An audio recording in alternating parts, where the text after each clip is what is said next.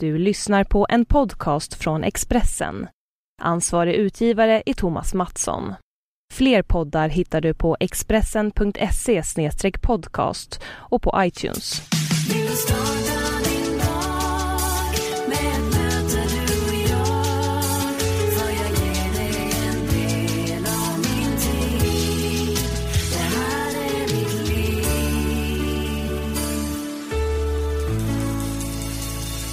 Välkommen tillbaka till ett nytt avsnitt av den här podcasten som heter Livshjulet och som görs av mig, Anna Hegerstrand, tillsammans med en ny gäst varje vecka. Idag bjuder jag dig på mitt 121 avsnitt och veckans gäst, det är en man som har tackat nej till att medverka ett par gånger tidigare. Ja, Robert Aschberg pratar inte gärna om sig själv, men jag är glad att han valde att göra ett undantag. Det är alltså hans livshjul vi ska grotta ner oss i idag. Och som vanligt lyssnar du på podden via Acast-appen, på iTunes eller på expressen.se podcast. Mig hittar du på Instagram under att Hegerstrand eller på min blogg på expressen.se Anna Hegerstrand.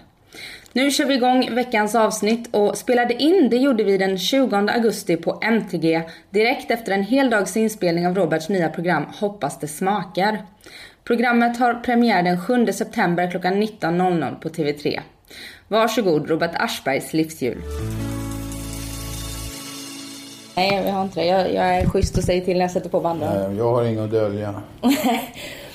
Välkommen till livshjulet. Tack. Som den här podden heter. Jag har suttit och kollat lite när ni har spelat in ehm, det här, Hoppas det smakar. Hoppas det smakar. Ja. Som har premiär 7 september. Just det. Ja, hur kommer det sig att du hoppar på ett matprogram? Därför att TV3 bad mig göra det och därför att jag säger ja till eh, allting de ber mig om. Jag tror inte att de skulle be mig om något som jag var direkt motståndare till för det skulle inte bli något bra resultat. Du har varit direkt motståndare till att gästa mig två gånger och ändå så sitter du här nu. Ja, det är för att TV3 inte har bett mig och tidigare. Den här gången har de bett mig. Och då gör jag som de säger. Då vet man att förfrågningen inte går fram då? De kanske går fram, men du vet vad fan, det kommer så mycket förfrågningar om allting nu. Det är en miljon program. Allt från morgonsoffer till radioprogram till poddar till eh, underliga nischtidningar som ska ha intervjuer till såna här eh, rena företagsgrejer. Alla ska fylla med en massa skit va. Och jag orkar inte eh, göra sånt. Jag har, inte, jag har inte min tid till det priset. Varför ska jag sitta och låtsas tycka om en massa grejer som jag inte tycker om? Om jag brinner för något ställer jag gärna upp och deltar i en diskussion eller talar med någon om något. Men jag, jag är inte så jävla kåt på att eh, synas och höras så att jag gör det till vilket pris som helst. Vad är det du brinner för som du ställer upp i? Ja, det kan vara till exempel frågor om alltså, politiska frågor av ett visst slag till exempel. Jag sitter i styrelsen för stiftelsen Expo, en antirasistisk stiftelse. Så den sortens frågor engagerar mig. Jag sitter i styrelsen för Sjöräddningssällskapet där brukar jag ställa upp och göra saker eller diskutera gärna om det är någonting som rör dem och sådär. Eller om det är någonting jag blir förbannad på sådär. Det blir jag ju mer och mer sällan med stigande ålder. Mm, alltså du lugnare? Ja, kanske i någon mån. Jag tror det.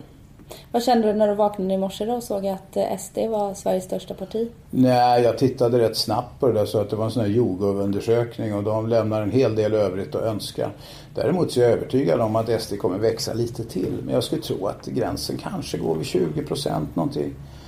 Eh, jag siar inte om det, jag är inte statsvetare eller någon expert. Va? Det ändrar inte min åsikt om SD eller eh, de eventuella diskussioner om samarbete och sådär. SD hade ju en grej, jag skrev om det då. De hade ju en grej där de menade att nu har vi, vad var det de hade i valet, 16 procent eller någonting. Nu måste alla lyssna på oss. Men så funkar det inte i en demokrati. Utan det är majoriteten som ska bestämma. Och det måste de få in i sina huvuden, även de som sympatiserar med SD.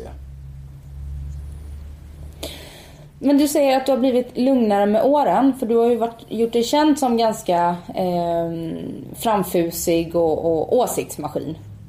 Ja, jag hoppas jag inte har varit en åsiktsmaskin. För det, alltså, det får ju andra bedöma. Jag gillar inte egentligen att tala om mig själv för man ljuger alltid medvetet eller omedvetet när man gör det.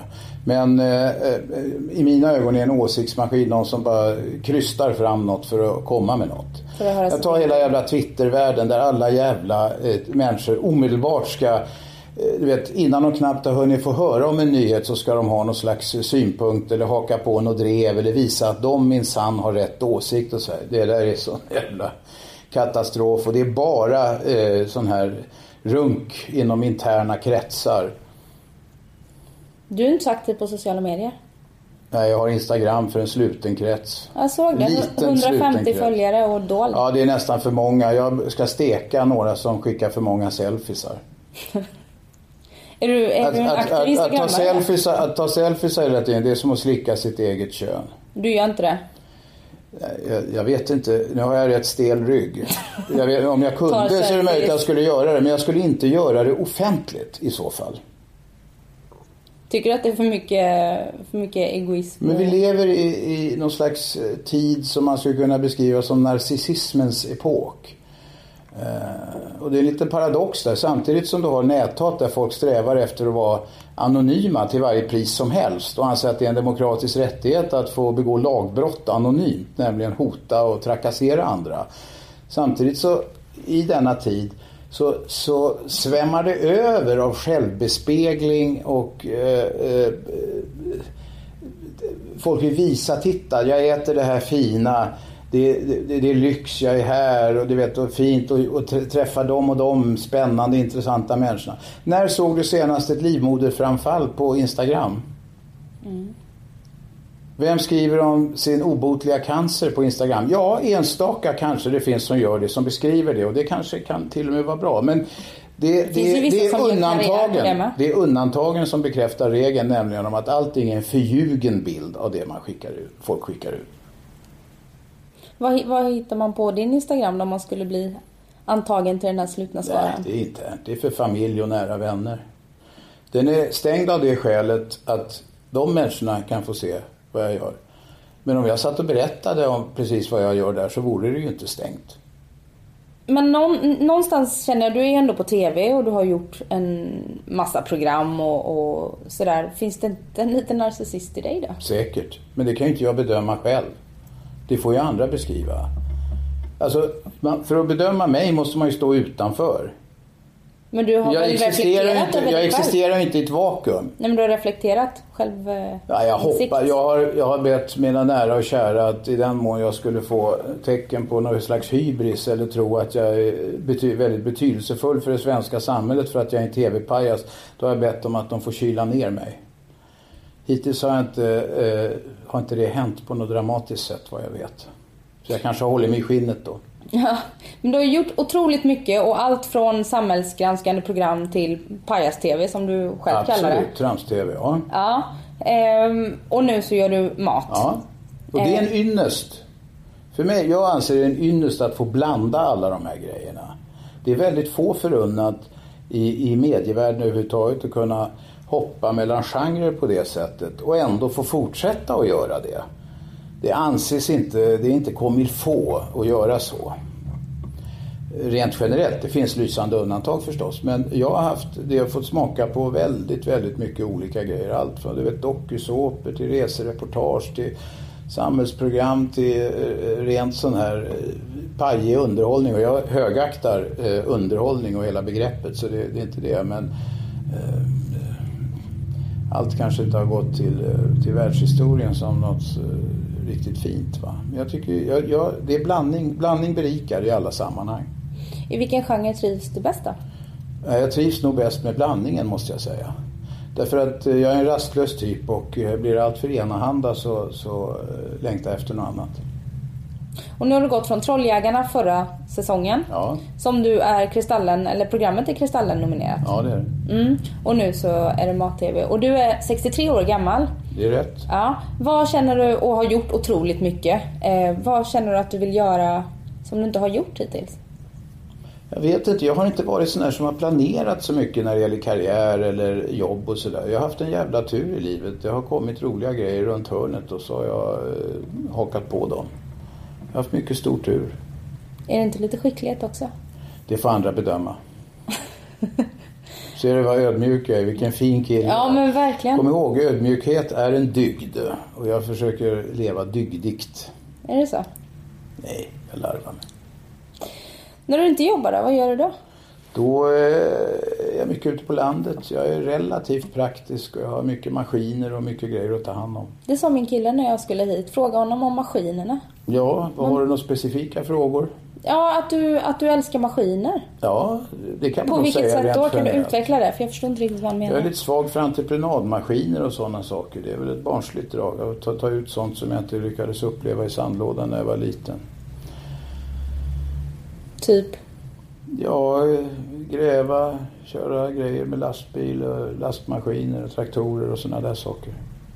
Jag är väldigt förtjust i båtar också. Jag älskar ting, Är du materialist? absolut. Har du alltid... Både, både i rent bokstavlig mening och i mer filosofisk.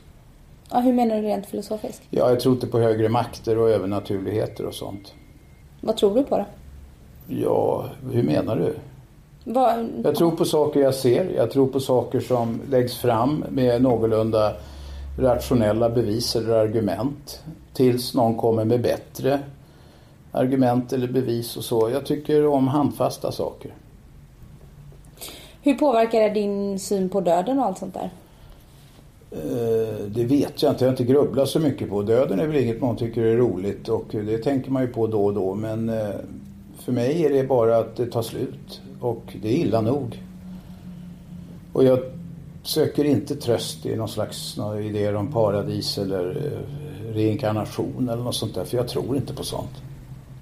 Men du, du opererades för cancer för några år sedan som visade sig till 99% inte vara cancer. Nej, till 100 procent Ja, var till det inte 100%. det. Ja. Nej. Vilket gladde mig oerhört för jag hade ju då som jag trodde och som läkarna trodde lungcancer i några veckor tills jag lades på operationsbordet och sen ganska snart efter som att det var inte det. Det var en förkalkad lymfkörtel.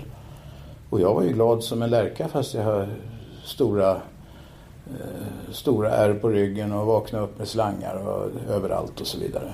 Men eh, för mig var det en, eh, en lottovinst.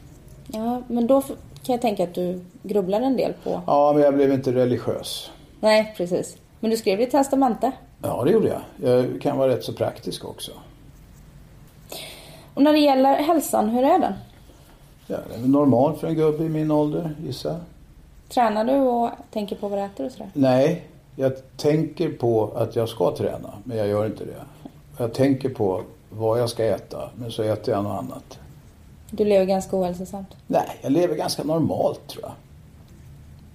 Men du promenerade i alla fall 190 mil tillsammans med din vän Gert Fylking. Ja, det gjorde vi. eh, För eh, 192 för att vara exakt. 192. För det var, eh, vi gjorde det i samarbete med Cancerfonden. Det var för att uppmärksamma Sveriges vanligaste cancersjukdom, prostatacancer. Något som det har varit mycket hysch om. Dels för att eh, gubbar inte gillar att tala om sånt som rör sig i de regionerna överhuvudtaget. För att det anses omanligt och så vidare. Eh, och eh, dels för att behandlingsmetoderna, diagnosmetoderna och behandlingsmetoderna i mina ögon är rätt så primitiva. Och där tror jag det kommer hända saker de närmaste åren. Vad kommer hända?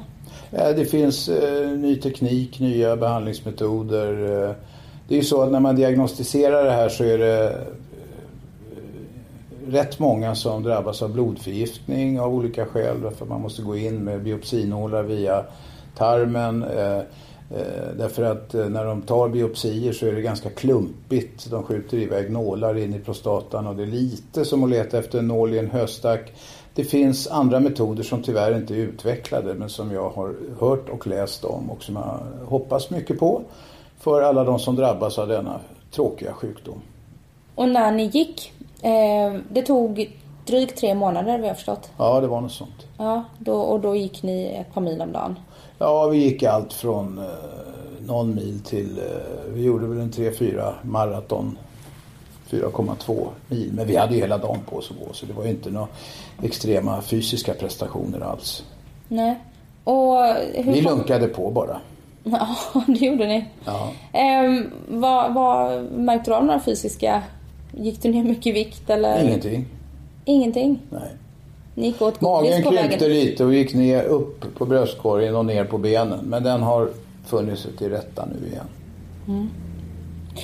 Sen när du inte jobbar och inte ägnar dig åt dina grävmaskiner och sånt så vet jag att du har eh, fått... Du har ju tre barn och fått två barnbarn.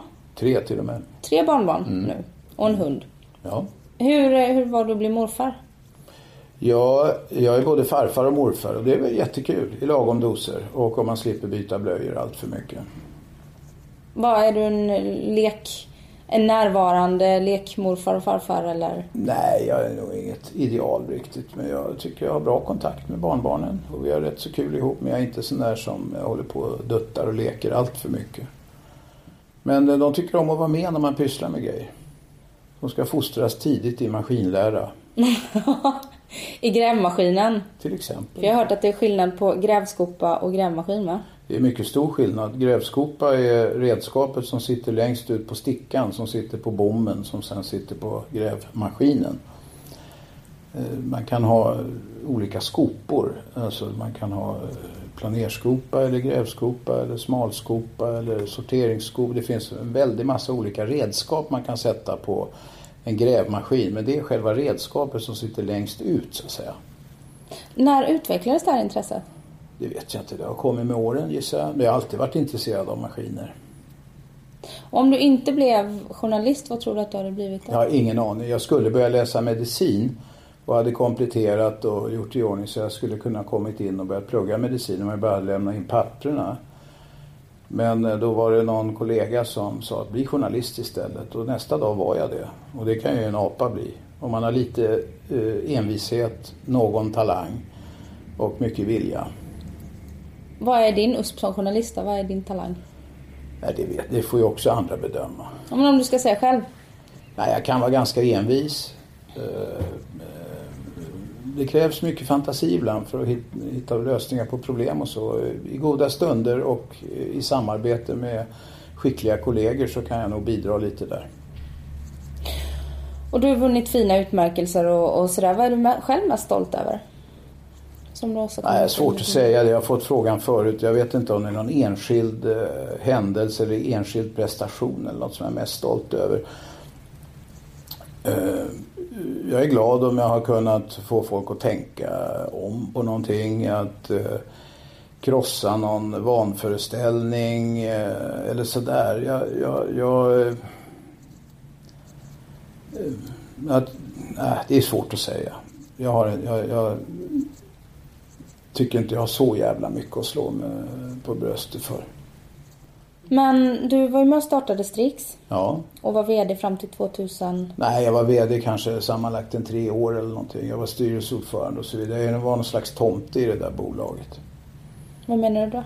Ja, men det var väl liksom... Eh, I någon mån när det var mindre så var jag väl någon, någon av de centralfigurer som fanns.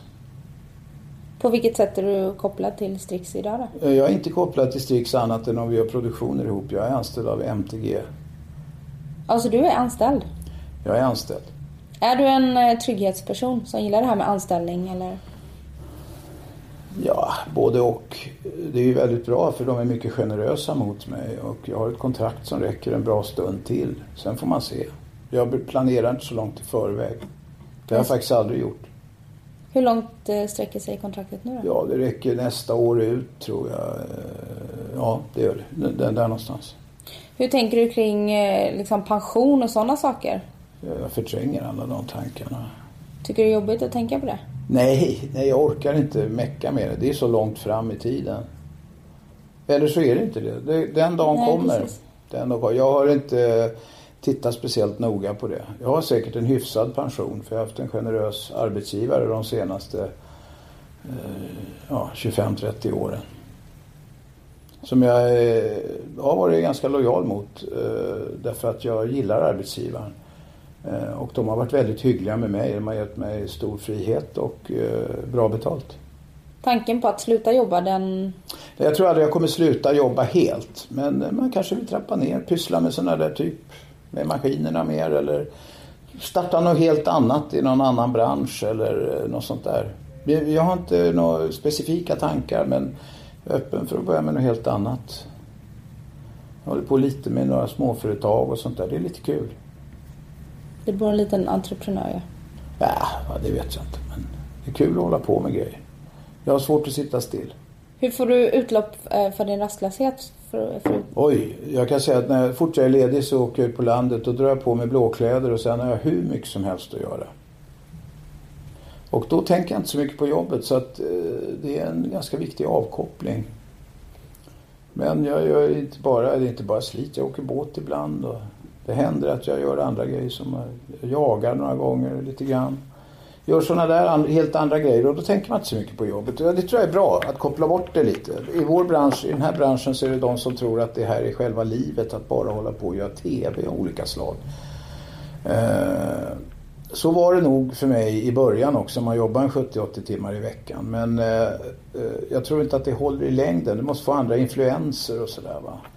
Annars så går allting bara runt i cirkel och då blir det som någon sån jävla twitterkotteri. Det är väl så idag, det är så otroligt svårt att komma in. Och när du väl är inne så jobbar du arslet av dig. Jo, men samtidigt är det tv-branschen en av de branscher där du kan komma från gatan och göra väldigt snabb karriär om du är duktig och ligger i. Det är få andra branscher där du kan eh, eh dels få en utbildning och dels ha en chans att göra karriär. Eh, för när vi gjorde pratprogram en gång för 20-25 år sedan så det, hade vi höga budkostnader. Redaktionen hade höga budkostnader. Det var före internet där. Eller innan genombrottet i alla fall. Och då eh, anställde vi en ung kille som kom från gymnasiet som chaffis, hyrde en bil åt honom. Han är idag VD för ett av de större produktionsbolagen, till och med ett konglomerat av sådana. Det kan du inte göra i andra branscher.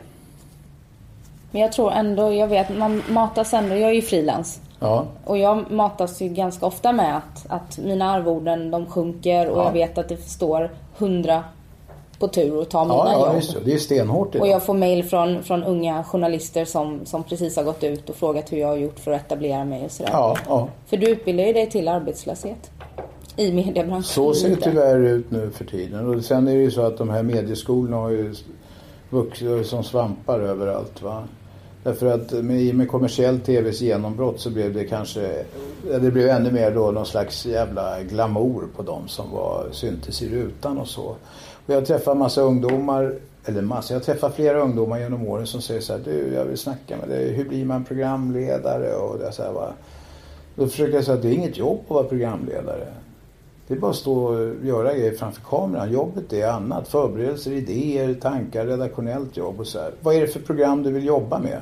Ja, det spelar ingen roll. Bara får jag vara programledare och säga du tänk, skaffa dig ett hederligt jobb istället. Ja, men det... Om de inte brinner eller tycker något är kul utan bara har grejen att de vill synas och bli så kallade kändisar eller sådär. Det är en jävla dålig drivkraft. I år var det ju fler som sökte in till Paradise Hotel än det var som sökte in till ja, var det Journalisthögskolan eller sånt där. Ja, där har du beviset för det jag säger om självbespeglingens tid. Är det inte Strix som gör Paradise Hotel? Nej, det spelar ingen roll. Jag har samma åsikt oberoende om det är det, är det här mediehuset som ja, eh, publicerar det. Jag brukar säga vad jag tycker även om produkter som kommer härifrån. Ja, men, men för du har ju programlett eh, reality. Absolut. TV. Ja. Skulle du eh, tacka ja till att programleda Paradise Hotel? Eh, jag skulle nog ta en diskussion med arbetsgivaren om de bad mig göra det. alltså. Vilken reality-serie eh, har varit roligast att göra? Ja, det var kul att jobba med Robinson. Det är ju en slags vuxenkoll och det är kul att ligga i, på lata latituder i flera månader och sånt där. Det är ju skönt som omväxling. Men det skulle bli jävligt träligt att göra det hela tiden. Eh, baren var jättekul på den tiden när vi startade det. Därför det var så nytt. Och det var redan på den tiden jävligt tekniskt avancerat med interaktion via nätsidor och sånt. Det var till och med för tidigt. Det var innan internetpenetrationen hade liksom kommit i närheten av vad den är idag. Eh, och det var ett öppet format där vi kunde hitta på nya grejer hela tiden och sånt där. Det är egentligen jobbet bakom som är det roliga. Det där, det där som folk ser i TV, det, det river man av liksom. Mycket väntan. Ja, vid bandade program kan det bli mycket väntan. Jag har ju en fäbless för direktsändning. Alla står mer på tå, man skärper sig och om något går litet fel så ska inte allting brytas och tas om och sådär. Utan man snubblar vidare bara. Jag kollar ju på, jag tittar väldigt lite på TV. Men jag såg Trolljägarna. Det gör jag också. Ja. Det blir så när man jobbar med TV eller? Nej det vet jag inte. Det finns de som tittar mycket på TV. Jag brukar pliktmässigt titta på eh, en del nyheter och sådana här saker. Men ofta räcker det med 5-10 minuter så vet man hur det är upplagt och sådär. Dina egna produktioner, tittar du på det? Nej, jag har ju varit där I början gjorde jag ju det för det var intressant och då kunde man också se en del fel man gör. Numera tittar jag inte så mycket på det. Ibland vill man se ett program man har varit med och göra för att se det i den miljö där det sänds. Alltså med reklamen och med hela, alltså i, i en kontext. Men eh, för mig är det inte nödvändigt att titta på allt. Jag har ju varit med och gjort det. Jag vet ju vad som hände. Mm. Men jag såg i alla fall alla avsnitt av Trolljägarna. Ja. Eh, och där konfronterade du ganska det var ju många som var rätt aggressiva. Många som var mesiga och, och lipade när du kom Ja, det fram var en väldig blandning i reaktionerna, det var det. Ja. Har det påverkat dig privat och dina nära att du har blivit utsatt för hot privat och sådär? För, du, för på nätet har du ju det. Ja, ja. Det är många som ja, skriver det har, liksom. påver- det har eh, kommit hur mycket som helst sån där skit. Så, men, men det är långt före trolljägarna. Jag fäster Mm. inte så stort avseende vid det. Det betyder inte att jag är någon jävla tuffing och försöker noncha det. Men jag tror att det är tomma tunnor som skramlar mest. De som hotar och tjafsar och är kaxiga på nätet tror jag inte är så farliga. Om det är någon som är riktigt farlig så aviserar de inte sin ankomst. Har du råkat ut för det? Nej, jag har fått en smäll på käften faktiskt. Det är ingen som vågar. Du, jag är ingen slags kämpe så att eh, det beror nog inte på det. Du har en ganska tuff framtoning. Ja, det hjälper ju inte om någon kommer en knytnäve farande. Ja, men hur, hur är det på den fronten nu då? Efter, eller Trolljägarna?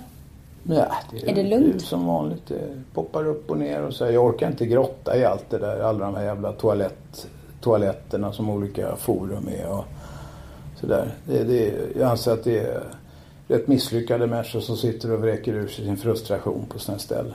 Men jag tänker med din familj, dina barn och din fru. Nej, det, ja, de har väl drabbats lite indirekt men i den mån det har varit någonting så har vi tagit hand om det. Vad är du rädd för annars?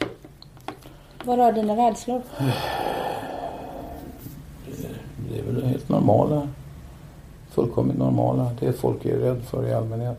Jag är inte mörkrädd. Jag, alltså, jag, jag tror jag har få sådana där så kallade fobier va. Om någon. Men man är väl rädd att de, det ska hända dem nära och köra något eller att det ska gå åt helvete med, med allting och sådär. Men det jag grubblar inte så mycket på det. Jag eh, följer den gamla devisen, inga nyheter är goda nyheter. Det brukar ju stämma. Eh, när det gäller terapi och sånt där. Så gillar inte du det har jag. Terapi och sånt där. Ja, terapi, psykoterapi och... Nej, jag anser att det Okej. kan säkert göra underverk för de som behöver det. Men då ska det vara ganska handfasta saker.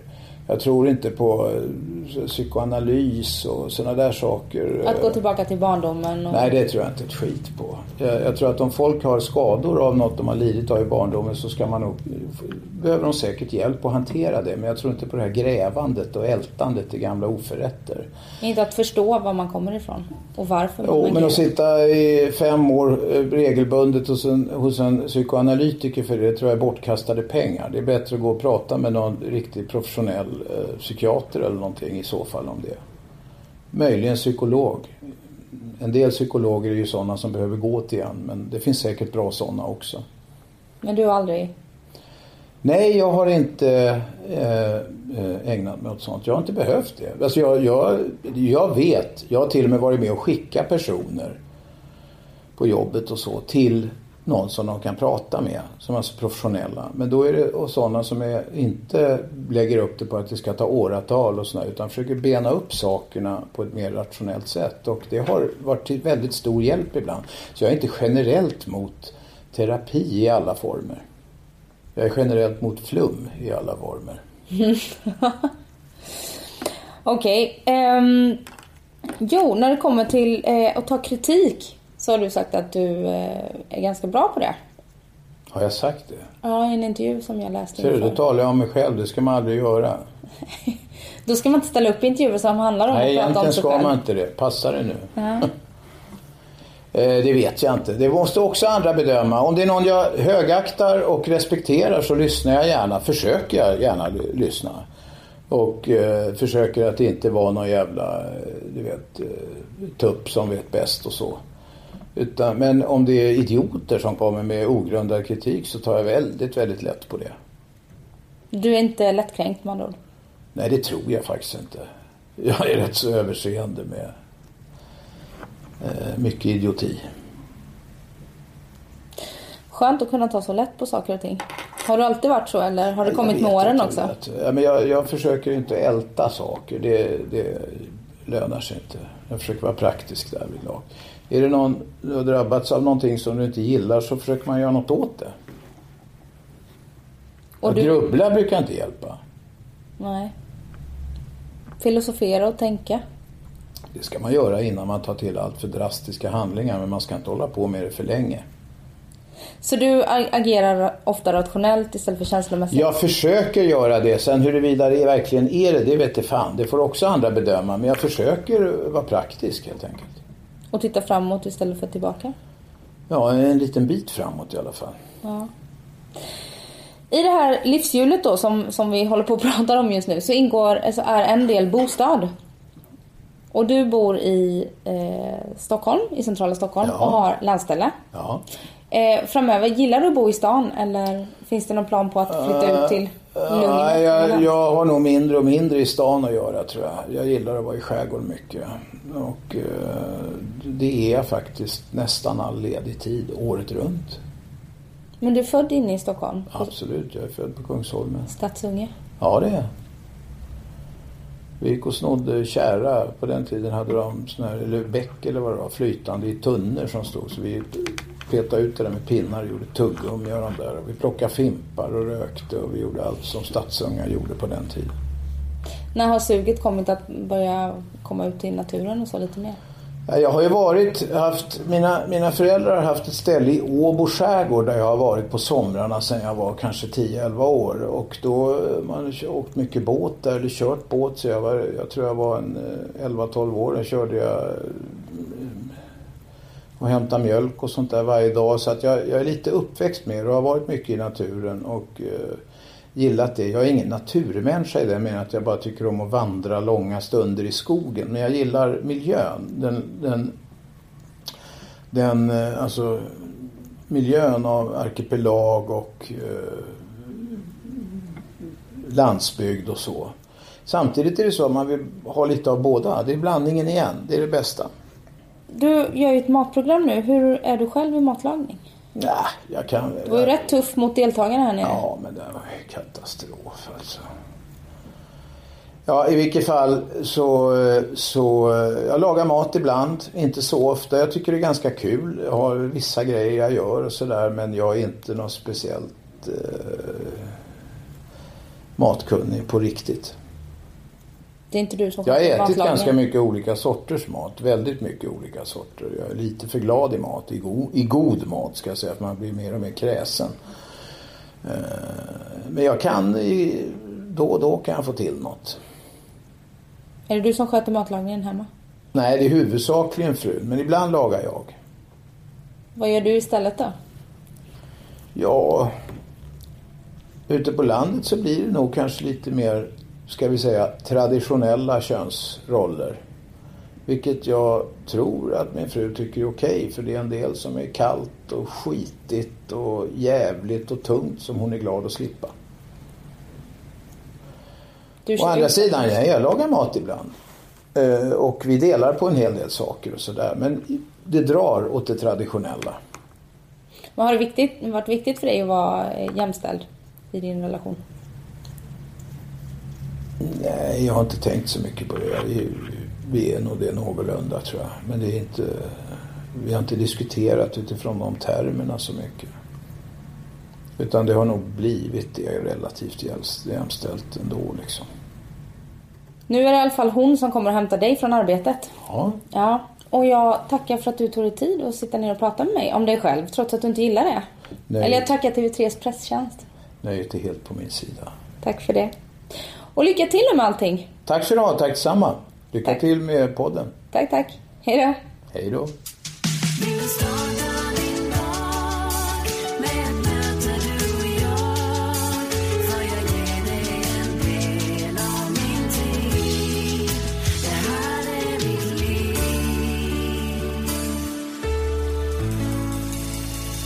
Du har lyssnat på en podcast från Expressen.